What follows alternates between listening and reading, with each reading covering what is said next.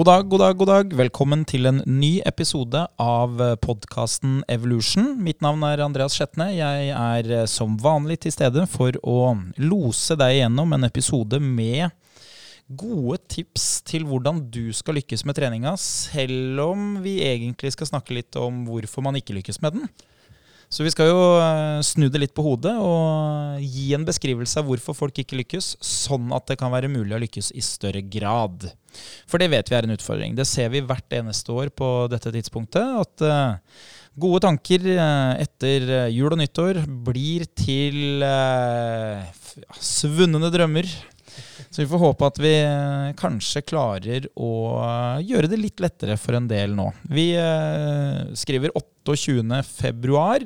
Det betyr at i morgen er det jo da en spesiell dag. Velkommen til deg, Sindre. Hvilken spesiell dag har du i morgen? Skuddår. Hæ? Ja. Jeg så, ja, jeg så det imponerte deg nå, Linnea. Ja, ja. Du er med du også, Linnea. Velkommen. Thank you, thank you. Er det noen av dere som vet uh, hva som er spesielt med skuddår, bortsett fra at det er en oppsamling av sekunder som uh, man har til overs hver eneste dag, som gjør at man har et, uh, et ekstra døgn hvert fjerde år?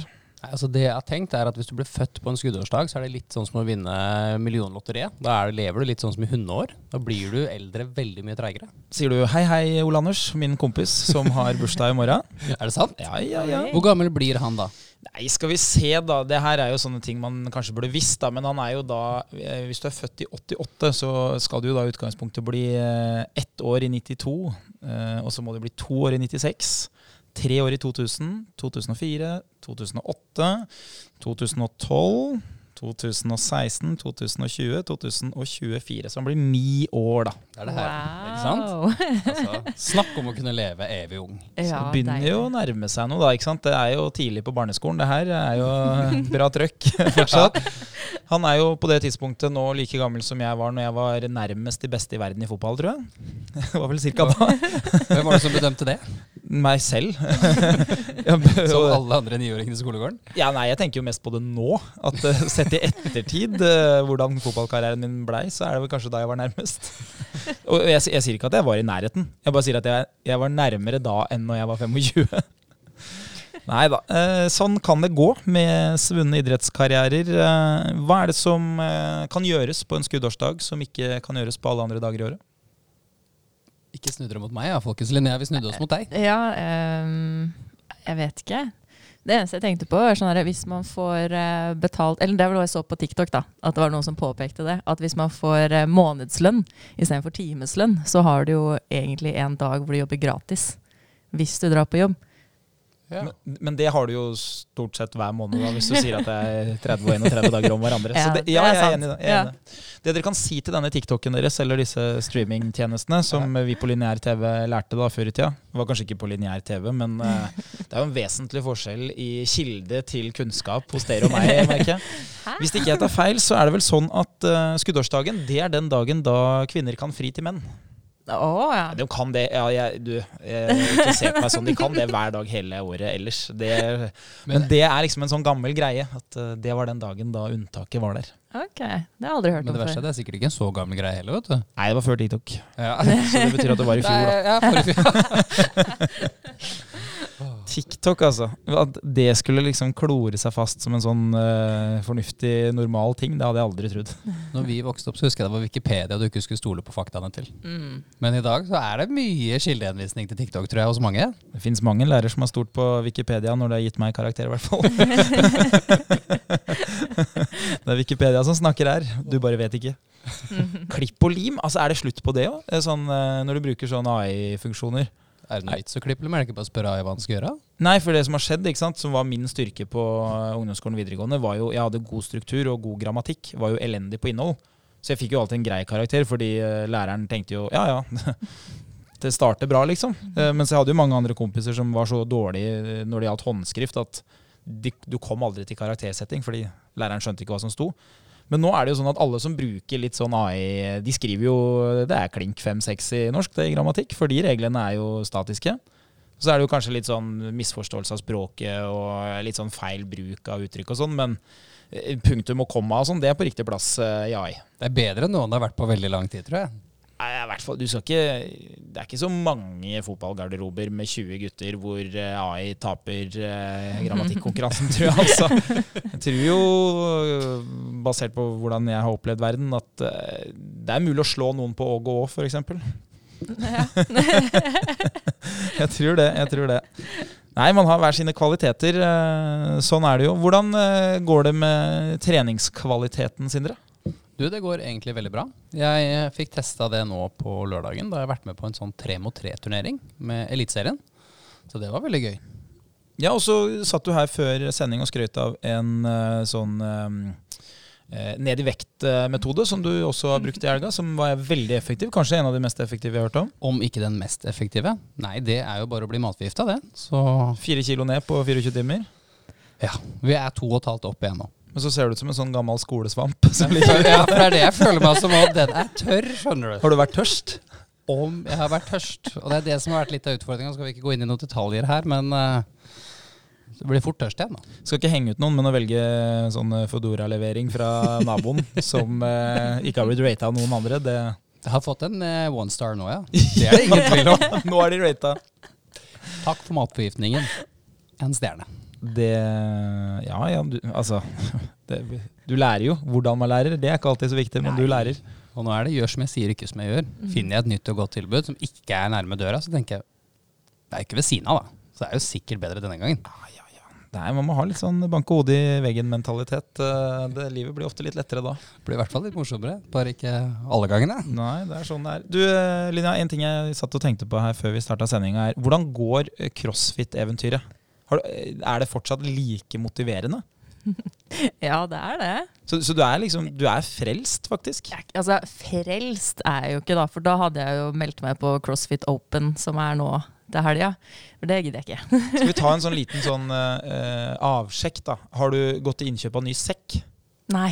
Nei. Har du gått til innkjøp av nytt utstyr som du må ha på deg på trening? Um, jeg, har jeg har gått til innkjøp av eh, nye flaps. Ikke sant? Ja, Så da CrossFit flaps. Én av to foreløpig. Har du skaffa deg en altfor stor vannflaske for å være hydrert? Ikke ennå. Men du tenker Jeg gjør tanken? det. Ja. Har du kjøpt deg Metcon-sko? Det hadde jeg fra før av. Det hadde du fra Ja. før. Potensialet lå til grunn. jeg kan ingen andre sko, så jeg må, jeg må bare si For det er, det er egentlig et merke Nei, egentlig en modell fra Nike, er det ikke? Jo. Metcon. Jeg, tror egentlig det, men så er det bare tilfeldig det alle har. Så Mm. Men det er jo sånne type crossfit-sko hvor man skal de, har sånne ekstra riller eller noe sånt som skal gjøre det lettere å klatre i tau. Det var ikke noe jeg visste før jeg begynte på crossfiten. Altså ikke at jeg Klatrer du i tau? Nei, ikke det det er hele ikke tatt. skoene som er problemet mitt, i hvert fall. Det er tauet. Tauet. Ja, nei, det er, det er et godt poeng, det der. Altså, kanskje det er uh, utstyret vi faktisk uh, Det er det som er utfordringa vår. Mm. Det blir spennende å høre, da. Hva, hva tenker du om motivasjonen, da? For det er jo et punkt vi skal innom senere. Er det sånn at du gleder deg litt til å gå på trening fordi eh, det finnes utfordringer du har troa på at du kan mestre, hvis du bruker litt tid på å øve på de? Eh, ja, altså det er noe som har kommet litt etter hvert. For i starten så virka jo alt ganske håpløst. Men eh, nå etter å ha vært der noen ganger, så merker jeg at jeg får progresjon ganske fort. da. Eh, som f.eks. det som jeg prata om da jeg begynte, den wall-walken. Hvor man eh, begynner i en plankeposisjon og skal begynne å klatre oppover, eller gå oppover veggen med beina og flytte resten av kroppen tettere og tettere inntil. Og nå er jeg faktisk ikke så langt unna veggen. Altså, Nå, nå er du snart nærme ryggplask ja, når du tipper over på andre sida. ja nå, er det, nå er det det som stopper meg. Jo huet, da. Men det har du egentlig alltid gjort. da. Så kult. Mm, Det er ikke verst. ja. Men før så var det jo absolutt det der med å kunne dra på trening med venner og sånt. Og den stemningen bare, og ikke trene alene. Ja, for det er jo kanskje det som òg skjer, at du, i takt med at du er mye innom og, og trener crossfit, så blir du også kjent med folk. Så kretsen for hvem du trener med som er dine treningsvenner, den blir jo mest sannsynlig ganske mye større. Det er litt sånn som når jeg spilte fotball så det er jo ikke sånn at jeg sjekka av med andre hvem som kom på trening. Fordi det var jo 20 stykk, så hvis det var 15 som møtte på trening, så kjente jeg jo de 15. Så det gjorde jo liksom at det sosiale aspektet det blei en del av treninga hver gang. Uten at du liksom må ringe noen og avtale at eh, klokka 20 i kveld skal vi eh, løpe sammen, eller noe sånt. Mm.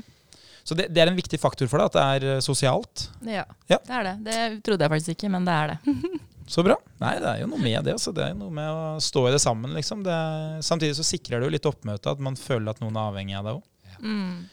Eh, før vi ruller videre, Sindre, så jeg har fått et spørsmål av eh, noen andre eh, som lurer på du, Ja, du var jo em, eh, Som jeg pleier å si, da, det er jo veldig lett å si det, ikke så lett å gjøre det. Men du eh, var jo ute på kjøret her før jul og både, spurte om halvmaraton og maraton og sånn.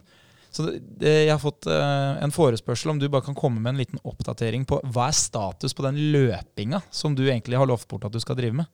Jeg spiller bra basket om dagen, uh, så jeg får løpt en del på basketbanen. Sist jeg har vært på en tredemølle, det um, Nei, det er litt trygt å si, altså. Det, Jeg spør for en venn. Eh, hvis jeg skal bli skikkelig god i basket, holder det at jeg løper da? hvis du er jævla talentfull, da. nei, jeg må vel ærlig innrømme det når du stiller meg det spørsmålet, at eh, det har vel frista mer å kunne spille mer basket. Men eh, jeg har jo sagt at jeg skal gjøre det, så jeg må jo begynne.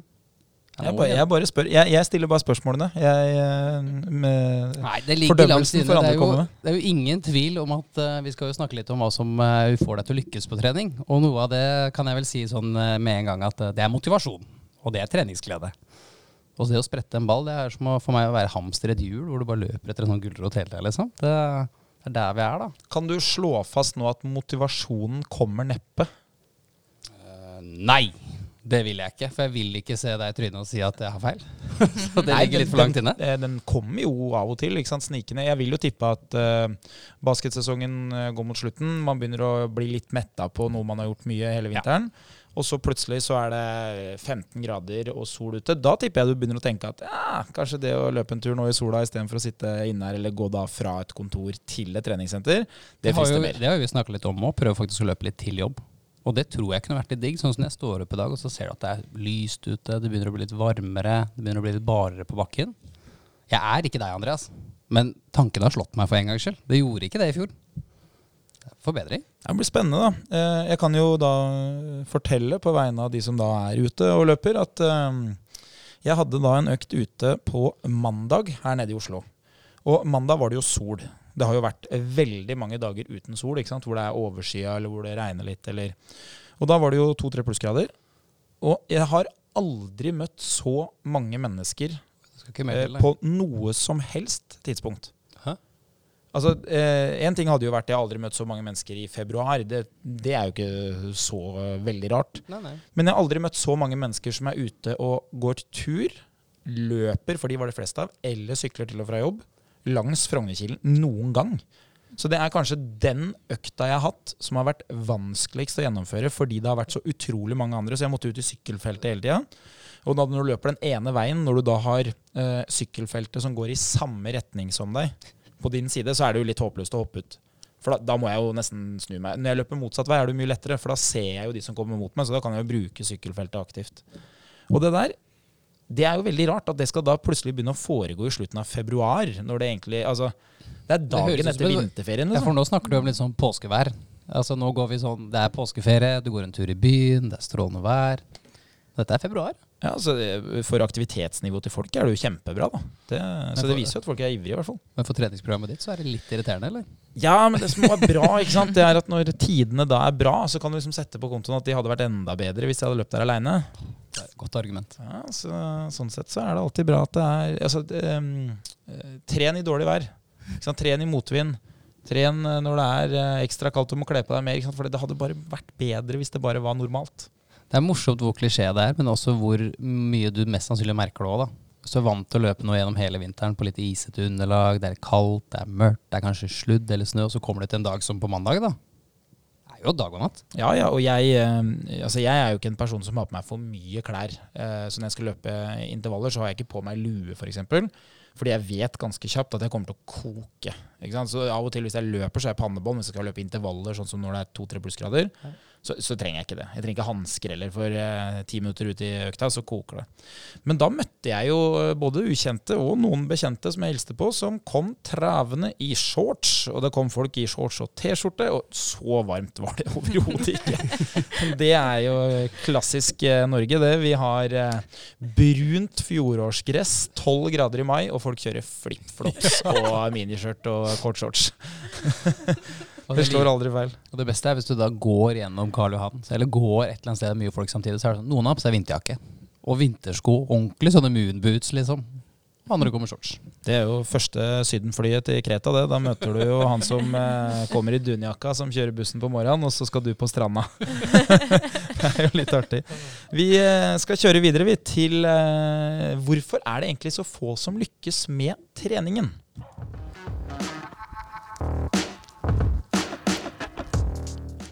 Linnea, du både lykkes med treninga og trener andre mennesker som jeg antar at mislykkes. Kan du bekrefte eller avkrefte det? At det fins noen som satte i gang med treninga i januar, og som allerede har mislyktes? Eller som ikke klarer å opprettholde det? Eh, ja En liten bekreftelse der. hva, sånn instinktivt, hva, hva er det de oppgir? Det er jo ikke sånn at du ringer de og sier 'hei, fortell meg hvorfor du ikke fikk det til'. Men hva, hva er det flest folk liksom oppgir som årsak til at de ikke får det til, når man snakker med dem? Ja, det er jo mye forskjellig, men eh, det som går igjen mest, er vel det der med at de føler at de ikke har tid lenger. Fordi at eh, i starten av året så lagde de mye tid til trening som egentlig ikke var eh, realistisk for dem å holde ut i lengden. Som det å trene fire ganger i uka hver dag før jobb eller etter jobb som nå bare blir til Jeg orker ikke, rett og slett. Jeg klarer ikke å opprettholde det, ja, den dedikasjonen. Det å stå opp klokka fire-fem hver dag for å komme på trening før eh, jobb. Sånn, det, er, det, er, tøft å holde hvis ikke det, motivasjonen ligger til grunn også. Da. Hva sier de til deg, eh, Sindre, de du snakker med? Er det det samme, eller er det noe annet? Det er nok noen gjengangere i det du sier Eileen. Linnea. Så tror jeg det er veldig mange som gaper over. Mm. Men uansett hvor mye vi prøver å råde til å si at det holder med dette minimumskravet her, det viktigste er at vi får kontinuitet i treningen, så ønsker jo veldig mange der ute en quick fix og syns det er veldig gøy. Og tenker at åh, hvis jeg bare får det på tolv uker, så hadde det vært greit. Så jeg får det på seks uker. Mm. Men så er jo jeg, så blir jeg han kjipe Peten som sier det at hvis vi trener én gang i uka nå, i 20 uker, så har vi trent 20 ganger. Det er mer enn du gjør hvis du trener fem ganger i uka nå i to uker i strekk og brenner deg ut og ikke trener, så faller du kanskje ned til to økter i uke tre, og så faller du ned på én økt i uke fire. Så blir det bare 13-14 økter. Hvis vi skal bli litt sånn spesifikke på det, da. Vi, vi, skal ikke bruke mye tid på å dra folk igjennom liksom, eh, litteratur bak eh, motivasjon og gjennomføringsevne og psykologiske årsaker til at man ikke klarer å gjennomføre de tingene man ønsker. Da. Men i stor grad så kan man si at eh, det som eh, må være til stede for at man skal lykkes med noe, det er jo at det må være ikke for lang avstand mellom der jeg er på nåværende tidspunkt, og der jeg er når jeg er fornøyd. Hvis man strekker den strikken for langt, så vil de fleste miste motivasjonen. Og så har man noen ekstreme mennesker som syns at det er helt greit, at det er kjempestor avstand. Og Der, der fins det mange som blir motivert av å tenke at en dag skal jeg oppnå det her. Og så vil alle vi andre si ja, det, det, er jo veldig lite sannsynlighet for at du kommer til å oppnå det noen gang. Men det er motiverende. Men det gjelder jo de færreste. De aller, aller fleste de heller jo ganske i motsatt retning. De heller i den retningen av at det bør være ganske kort avstand mellom hvor jeg er i dag, og det jeg skal få til. For det er det som gir motivasjon for å gjennomføre det. Samtidig så bør det heller ikke stille for store krav til meg, fordi det at jeg skal bidra med liksom energi og entusiasme og gjennomføringsevne, det har jeg bare en ganske liten tank med. For jeg, for jeg, har kanskje ikke noe erfaring med å skulle stå i det lenge, så jeg klarer ikke å fylle på den tanken underveis. Og Det er jo derfor de fleste blir eh, snakkende om motivasjon. Og motivasjon det er en, uh, vi kan si sånn, det er en fin oppstartsmetode. Det, det er bra drivstoff i oppstarten. Men det er veldig veldig sjelden at motivasjon på en måte er eh, drivstoffet som eh, fungerer over lang, lang tid. Men det kan være sånn at det fungerer i oppstarten, og så kan det også komme tilbake igjen på et senere tidspunkt, når du begynner å skjønne at det jeg driver med nå, er bra, fordi jeg har holdt på med det lenge når det også har vært vanskelig å få det til, f.eks. Da kan motivasjonen komme tilbake igjen. Jeg er flink til å gjøre noe som jeg egentlig trodde jeg var dårlig til. Men det er veldig veldig få jeg har møtt, om noen, som har vært drevet av motivasjon hele veien fra 'her er jeg i dag', dit har jeg lyst til å komme. Så det vi kan si at er liksom det store store problemet hos de fleste som skal begynne med trening, det er at nåværende i veldig mange tilfeller er dårlig form. Hvor er jeg nå? Jeg er i dårlig form, jeg trener ikke. To av tre trener ikke. Så, så enkelt er det. Så det betyr at nåværende det er ganske langt på den ene sida av skalaen. Og så har man da kanskje litt lav grad av erfaring med hva er det som skal til for å komme meg dit jeg vil. Men samtidig så er man jo ikke man er jo ikke, Det er jo ikke forbudt for meg å liksom bestemme hva jeg vil. Det er det samme som at folk som eh, vurderer hvor de skal begynne å jobbe, de kunne tenkt seg å vært rike. Ikke sant? Men alle på utsida ville tenkt sånn Du vurderer hvor du skal begynne å jobbe. Da ville jo kanskje det å finne ut hvor du skal jobbe, det å skaffe deg jobben, vært et naturlig neste steg. Men isteden har du strekt strikken til 'jeg vil bli rik'. Som kan være veldig motiverende i velge jobbfasen, men eh, når du da er fire uker inn i den jobben, og du ikke blir rik av den jobben, veldig lite det, altså det, det kan være fort demotiverende. Og sånn er det her da, at de som da skal begynne å trene, de kan sette seg mål som er 'jeg har lyst til å se bra ut'. Ikke sant? Og, og bra ut for meg, det er eh, rekkesekser og skuldre som ser ut som at jeg har tre hoder. For å sette det på spissen. Sant? Det, det, kan være hva som helst. Det kan være 20 kilo lettere, eller det kan være at de på jobben tenker 'wow, altså, fy fader, du ser bra ut'. Fordi den følelsen har man lyst på. Og det, det, skjønner jeg jo. Jeg har ikke noe problem med å forstå at det vil man. Men da har man egentlig sagt at strikken den skal strekkes fra 'jeg gjør ingenting med det i dag', til 'dette er noe selv de som trener regelmessig, kanskje ikke får til'. Og den strikken da, den strekkes vanvittig langt. Og drivstoffet jeg har for å dekke den avstanden, det er motivasjon, som vi vet liksom er litt futt i starten, men ikke noe mer. Og da blir det vanskelig, altså. Det, det som redder folk, er jo at de finner ut på veien at det var jo litt gøy, dette her. Ja. Og så plutselig så er den strikken ikke strekt så langt, fordi den går egentlig fra 'jeg gjør ingenting' til hvis jeg klarer å løpe litt lengre neste gang, hvis jeg klarer å løfte litt tyngre neste gang, så er plutselig avstanden på den strikken veldig kort. Og da plutselig har du kanskje motivasjon på tanken til å liksom Jeg holder ut to økter til, for da skal jeg se om jeg har blitt bedre enn det jeg var forrige gang. Så det er liksom psykologien bak hvorfor de fleste detter av. Fordi at de de har ikke noe samsvar mellom 'dette er det jeg har lyst til å få til', og 'det er her jeg er i dag'. Og, og Det beste eksempelet jeg kom på i farta, var jo da eh, du har ikke jobb, men du har lyst til å bli rik. Det fins ganske mye mellom der som de aller fleste som jobber i dag, skjønner at liksom Ok, det, det fins mye forsakelse jeg kanskje ikke er villig til å gjøre. Det fins kanskje en begrensning i at jeg ikke har ferdighetene til å skaffe meg den inntekta. Det fins så mange faktorer imellom der som man lærer på veien, som gjør at det ikke er like fornuftig. Men det der det minner meg veldig om når, når, du er liten og går på barneskolen, så spør lærerne hva har du lyst til å få til når du eller hva skal du jobbe med når du blir stor. Jeg skal jobbe med noe som gjør meg rik. Og så sier læreren ja, men det er ikke det eneste som betyr noe. Jo, jeg skal bli rik. Det er alt jeg vil gjøre. Og så finner du ut når du blir eldre at nei, arbeidsmiljø har noe å si, arbeidsoppgaver har noe å si. Så begynner du plutselig å kunne måle det, hva du skal gjøre når du blir stor, på en helt annen måte enn når du først tenkte på spørsmålet. Det samme gjelder jo litt de menneskene vi møter når de skal trene. Nei, jeg skal få sixpack, eller jeg skal bli sånn eller sånn eller sånn. Så skjønner man ikke distansen som du nevner, da, hvor vanskelig oppgaven egentlig er. Så vi kommer litt tilbake til det vi har snakket om før, som er den Dunner-Krüger-effekten. Det blir jo lett. Det her går jo som en quick fix. Ja, Man har liksom ikke, man har ikke ferdighetene da, og kunnskapen og erfaringa til å anslå hva man egentlig skal gjøre. De fleste unge gutter, i hvert fall på min alder, når jeg var ung, da ville jo bli fotballproff. Men jeg kjenner jo de guttene jeg, eh, i dag. da Jeg vet hvordan personlige egenskaper de har. Mange av de egner seg dårlig til å ikke være hjemme hele tida. De egner seg dårlig til å bli stilt krav til. Altså, de blir målt kontinuerlig på prestasjon, som da er det å være fotballproff. ikke sant? Det er jo det er som børskursen. Enten så presserer du bedre, eller så presserer du dårligere. Det er veldig få som liksom status quo over lang tid. Ja. Og så er det jo, som sagt, da, du er veldig lite hjemme. Da. Det er jo reising hele tida. Du skal nå spille kamper støtt og stadig. Mest sannsynlig så vet du ikke hvor du bor om tre år, for da er kontrakten utløpt. Uh, gjør du det bra, så skal du jo flytte fordi du blir kjøpt av noen. Gjør du det dårlig, så skal du ikke bo der, for de vil ikke ha deg. Altså, det, er, det er ganske slitsomt, altså. Ja. Da bør den der scenetida di med 90 minutter to ganger i uka med applaus fra 50 000-60 000, den, den, bør virkelig være verdt det. Yes. Og det er bare fordi man har ikke liksom kunnskapen om det. Som er helt naturlig når man er eh, et barn, f.eks.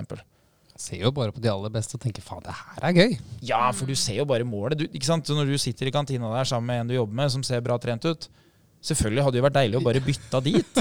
Nettopp. Og det er ikke så vanskelig heller. Han gjør det jo hele tida. Han går på trening, eller hun går på trening, og det er så lett. Jeg har jo sagt det flere ganger i den podkasten her, at hvis du hadde prøvd å bytte bort, da, ønsker du å stå på pallen eh, til sommeren i Paris og ta imot et OL-gull, så svarer jo altså 99 svarer jo ja til det. Stå der og ta imot heder og ære for en kjempeinnsats. Men hvis du begynner å selge det i treningsprogrammet de siste åtte årene, har du lyst til å legge bort livet ditt og gjøre dette her i åtte år for å ikke være sikker på om du får det til? Nei, det har jeg ikke noe lyst til. Det er så bra sagt. Det samme med, med folk når jeg snakker med de som sier sånn Hvem er det som gidder å sykle bakerst i det Tour de France-feltet? Slite seg ut for å hente flasker. Ja, hvis du tenker litt på det. Mest sannsynlig tre-fire millioner i årslønn for å drive og sykle bak der. Eller å gå på ski og være nummer syv i Norge og ikke ha en årslønn. Jeg tror jo liksom sånn mange idrettsutøvere som lever av idretten og elsker å være fysisk aktiv og slite seg ut, de hadde valgt å sitte bakerst i det feltet hver dag hvis de kunne ha vært gode til det. da. Definitivt. Så det, liksom, det handler om at man ikke har erfaring av kunnskapen om det, så da tar man ganske enkle beslutninger, egentlig. da. Ja. Harmonerer det med, med mange av de du møter, og, Linnea? Er det, er det sånn at du merker at de har kanskje ikke alltid ferdighetene til å vurdere om målsetningen sin er god eller dårlig? Ja, det merker jeg. Det er noe som eh, vi jobber ganske mye med. Eh, ofte sånn i starten, da, hvor de kommer inn og i oppstartssamtalene, da, hvor de kommer inn og er sånn her Nei, nå, nå skal jeg bli eh, den mest trente på jord. Eller de sier jo ikke det, da, men at de skal bli en helt annen versjon av seg selv. Og så eh, sier jeg ok, greit. Men uh, hvordan skal du få til dette? Da? Nei, nå skal jeg, jeg skal trene hele tiden, hver dag. Uh, kanskje de har en de ser opp til, som er sånn ja, de trener sånn og sånn og sånn. Spesielt de unge har ofte en fra sosiale medier som de ser opp til. Tenker sånn, jeg skal følge det programmet der, og så blir jeg som han eller hun, da. Det er sånn nei. altså er du altså, Hvis du begynner å trene konstant hver dag. Altså, du kommer jo ikke til å ha noe liv ved siden av, liksom. Ah, nei, det er kanskje sant, det passer jo ikke helt inn. Jeg har jo skole, jeg har jobb, bla, bla, bla, bla, bla. Så er det liksom det å prøve å jobbe med det man har, da. Så begynner vi å trene, så skjønner de at det, ok, utgangspunktet mitt er ganske shit. Jeg tar 15 kilo i benk, og jeg har lyst til å klare 100, liksom. Veien er veldig, veldig lang. Og det som ofte skjer, da, er jo underveis merker de at det, det her går jo ikke. Er, så må, de begynner å gi opp og begynner å snakke seg sjøl ned. Og da må vi gå inn og jobbe mye med hodet, mindset. Sette seg inn i at du klarer dette her. Vi må bare sette oss noen korte mål, sånn at du får den yes-følelsen. da. Og det er jo ofte også at jeg gjør det uten å si ifra til dem. At vi legger på litt og litt og bla, bla. Så blir sånn Hæ? Klarte jeg 55 kilo nå?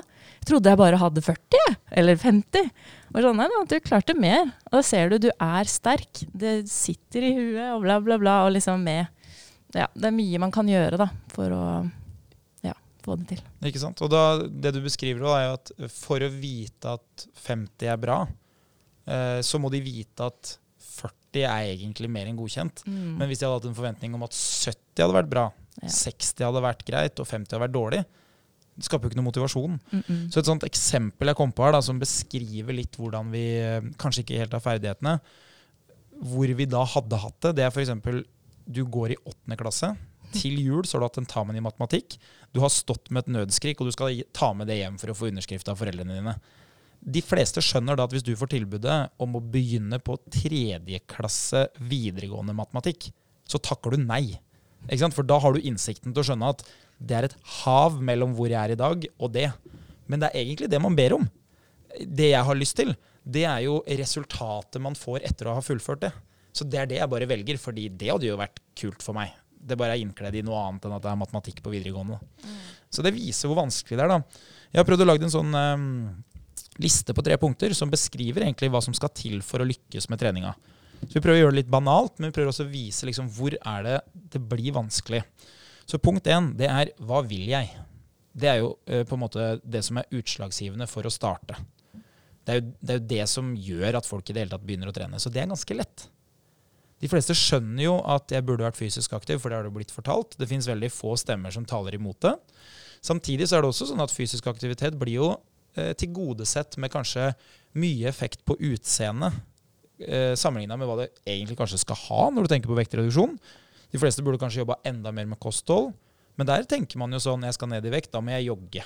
Så, så til og med når det gjelder vektreduksjon, så er trening eh, en foretrukken metode hos mange. da. Så det betyr at eh, basert på de målsetningene som flest folk har, så er det stor sannsynlighet for at hva vil jeg? Det inkluderer jeg må trene. Så det er veldig lett å finne ut hva jeg vil. Det er som regel se bra ut, bli bedre trent, ikke få vondt i ryggen om to år. Eh, sørge for at jeg har kryssa av på at jeg er fysisk aktiv fordi at det er bra for helsa mi over lang tid. Føle meg bra når jeg gjør aktivitet. Ikke være den dårligste av de jeg kjenner når vi skal på fjelltur neste gang. Altså, veldig ofte så er folk gode til å finne årsaken selv. Altså, de vet det når de tenker seg om. Og Så kommer det da to punkter til. og eh, Punkt nummer to er hvordan skal jeg få det til? Det er ganske mye vanskeligere. Ja. Mm. Det er som regel der de fleste stopper opp. Men de har så lyst til punkt én å få til det de vil, at de er villige til å begynne med noe. Men de er ikke alltid sikre på om det de begynner med, er det som faktisk er bra for å komme dit de vil. Og da Hvis du lager noen underkategorier, da, så vil jo det vi tenker, som jobber med det her, som er helt naturlig at vi kan, det er jo da Da må du jo ha en treningsplan. Ikke sant? Du er her, du har lyst til å komme deg hit. GPS-en sier da at det å følge denne kjøreruta vil ta deg dit på denne tiden. Treningsplanen her vil ta deg derfra til dit på denne tiden. Det kan en som har peiling, anslå ganske greit. Og så har du da punkt nummer to, som er motivasjon. Du må jo ha motivasjon til å gjennomføre det her. ikke sant? Og Den motivasjonen den er ofte stor i starten, men jo lengre avstand det er mellom start og mål, jo større sannsynlighet er det for at den motivasjonen er fraværende. Så den kommer og går litt. Kanskje du må velge noe som skaper litt motivasjon underveis, som faktisk viser seg å være litt morsommere enn bare dritt fra start. Så når folk kommer til meg og sier at eh, jeg hater å løpe, men jeg vet at det er bra å løpe, da pleier jeg å si da skal vi ikke løpe. For allerede nå så sier jo du at det ikke kommer til å funke. Men derimot hvis du sier til meg sånn Ja, i fjor så prøvde jeg Jeg fikk låne skøyteskia til en jeg kjenner, så jeg prøvde å skøyte litt på ski. Ja, målet ditt er å få bedre kondisjon, bruke kalorier, bruke energi. Det å gå på ski det kan du holde på med lenge uten at støtbelastninga tar knekken på deg. Du kommer til å ha skye intensitet hvis du driver med skøyteski. Kjøp deg det. Så bruker du vinteren på det. Da har du på en måte funnet noe som du liker, som du allerede har testa. Det er kanskje veien til mål. Helt enig. Mm. Og så kan vi da si at eh, en ting som kan være en utfordring for mange, men som òg er viktig, det er variasjon. Så prinsippet om variasjon handler jo om små variasjoner for å komme seg videre. F.eks. Eh, jeg tok ikke tre ganger ti i benkpress, jeg tok tre ganger åtte. Det er egentlig variasjonsprinsippet, men vi tenker jo sånn jeg skal bytte ut alt jeg driver med, fordi det motiverer meg. Sykle i dag, løpe i morgen, kjøre benkpress på onsdag. Det funker for mange, men du må ha kontroll på hva du driver med. For hvis du bytter fra sykkel til løping til ski, så er det veldig vanskelig å vite at du blei bedre til det du dreiv med. Og du blir ikke så mye bedre fordi du gjør så lite av det du faktisk da måler. Så hvis du skal se på kilometer i timen når du jogger på mølla, og du velger istedenfor å jogge to-tre dager i uka, velger å sykle den ene dagen og gå på ski den andre dagen, så må du forvente litt lavere fremgang i løping spesifikt. Fordi du øver ikke nok på det. Og så har du jo da eh, det siste som egentlig springer ut av det vi sa nå, det er jo du må ha kontroll på resultatene dine. Du må jo vite hva du driver med. Så, så hvis det er én ting som PT-ene sørger for, bortsett fra treningsplan, så er det å vite hvor i treningsplanen vi er, og at vi er på vei i riktig retning på den treningsplanen. For hvis du har en GPS som vet hvor du er, vet hvor du skal, den sier også hvor lang tid du kommer til å bruke hvis du følger den løypa i fartsgrensa, så kan du ikke begynne å svinge til venstre og kjøre saktere og forvente at du skal komme frem til riktig destinasjon på riktig tid. Yes. Mm. Og det er det mange gjør. De, jeg har lyst til å kjøre der borte, for da kan jeg se litt utover sjøen i tillegg. Ja, det kan du gjøre, men det kan godt hende det tar tre ganger så lang tid. Kan også hende du aldri kommer fram, fordi den veien fører ikke til det målet. Høres det kjent ut, Sindre? Veldig. Eh, Det var noen gode punkter her som jeg tror veldig mange som lytter også kjenner seg igjen i, og uten tvil har litt å lære av. Men det er jo, jeg tror, jeg tror på en måte at det er veldig lett å si at uh, jeg tror alle skjønner det som blir nevnt, men det er følelsen som blander seg inn. Følelsene som tukler med kompass og liksom hvor jeg vil og hvordan jeg skal gjøre det. Og så er det at vi er så motiverte i starten istedenfor å tenke at vi må være litt disiplinerte hele veien. Så, vi, vi sier da punkt én, det er lett. Hva vil jeg? Punkt nummer to, hvordan skal jeg få det til? Det er vanskelig, for det inkluderer jo mange av de andre tingene vi snakka om her. Og så skal vi da føle hvordan det går. Og er vi egentlig gode til å anslå? Altså hvis du, hvis du lar kundene dine si hvordan det går, er de gode til å gi riktig anslag på forbedringa si underveis? Ha, har de god kontroll hvis de ikke skriver det ned og måler det? Har du det? Ikke i det hele tatt. Jeg må jo si det at jeg tror det som er problemet til veldig mange også, er at vi bruker jo ikke så mange timer i døgnet på et treningssenter, eller på trening generelt. Gjør det enkelt. da, Si at du trener to ganger i uka, så bruker du kanskje da, to timer, kanskje to og en halv, da, hvis vi er heldige. Og så har du gjort det nå i ja, si seks måneder. Det er ikke mange timer. Du klarer ikke å vurdere eget arbeid på om det er bra eller dårlig da. Mens vi som står der, og står der hver eneste dag, jobber med å vurdere forskjellige mennesker med forskjellige følelser, har en mye lettere måte å kunne anslå på. Vi har noen triks, vi har noen muligheter som kan gjøre at vi klarer å måle det litt. da. Et sånt uh, veldig godt eksempel på at man kanskje ikke skal bruke seg selv uh, som referanse for hva jeg har gjort alltid. Det er hvis du tenker på forskjellen på hvordan du opplever mandag og fredag i tid. Hvis du jobber åtte timer hver dag, du har den samme jobben hver dag, prøv å kjenne på forskjellen mellom hvor lang mandagen er og hvor lang fredagen er. Det er jo da den subjektive, opplevde følelsen av tid ikke sant? i forhold til den oppgaven du gjør. Sånn er det når du trener. Ja. Så for en person som løper én time hver eneste dag, det å plutselig få løpe 20 minutter, det er jo kjempekort. Men for en person som løper 20 minutter hver eneste dag og løper en time, vil det jo være kjempelangt. ikke sant? Så det er jo bare relativt basert på hva du har gjort tidligere.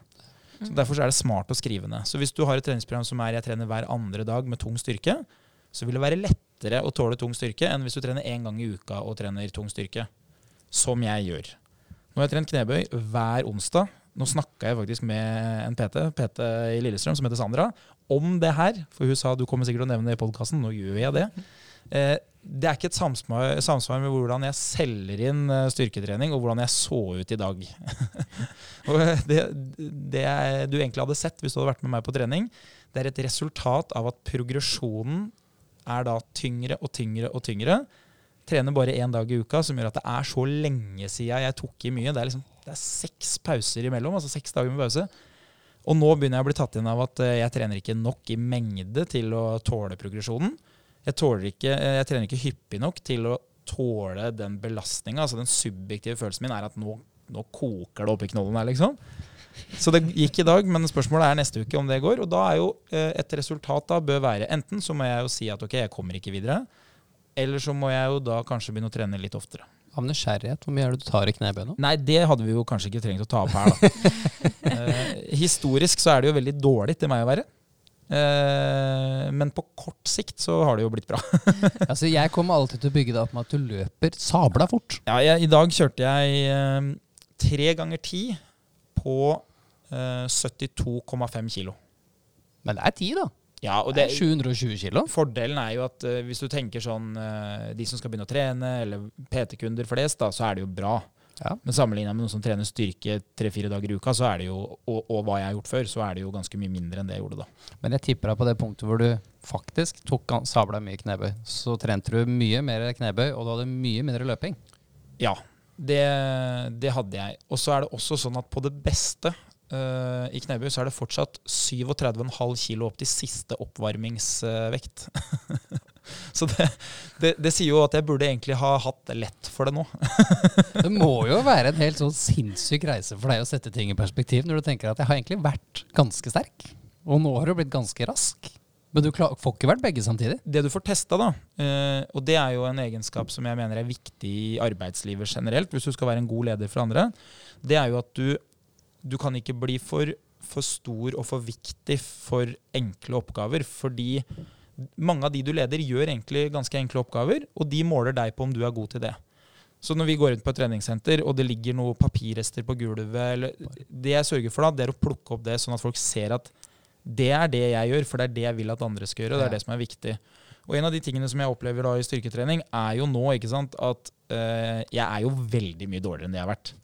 Så, så hvis jeg hadde vært en stolt person, så hadde jeg ikke hatt lyst til å vise det frem til noen. Spesielt ikke hvis du har liksom bygd litt av identiteten din på å være god til å trene. Tenk sjøl, du trener mye, og så skal du begynne å fortelle omverdenen at du er egentlig dårlig trent. Men det gir jo en sin jeg mener at det gir en styrke som PT òg. Når du snakker med kunder, så kan du faktisk forstå hvordan det er å ha vært i god form en gang i tiden, og så blitt i dårlig form.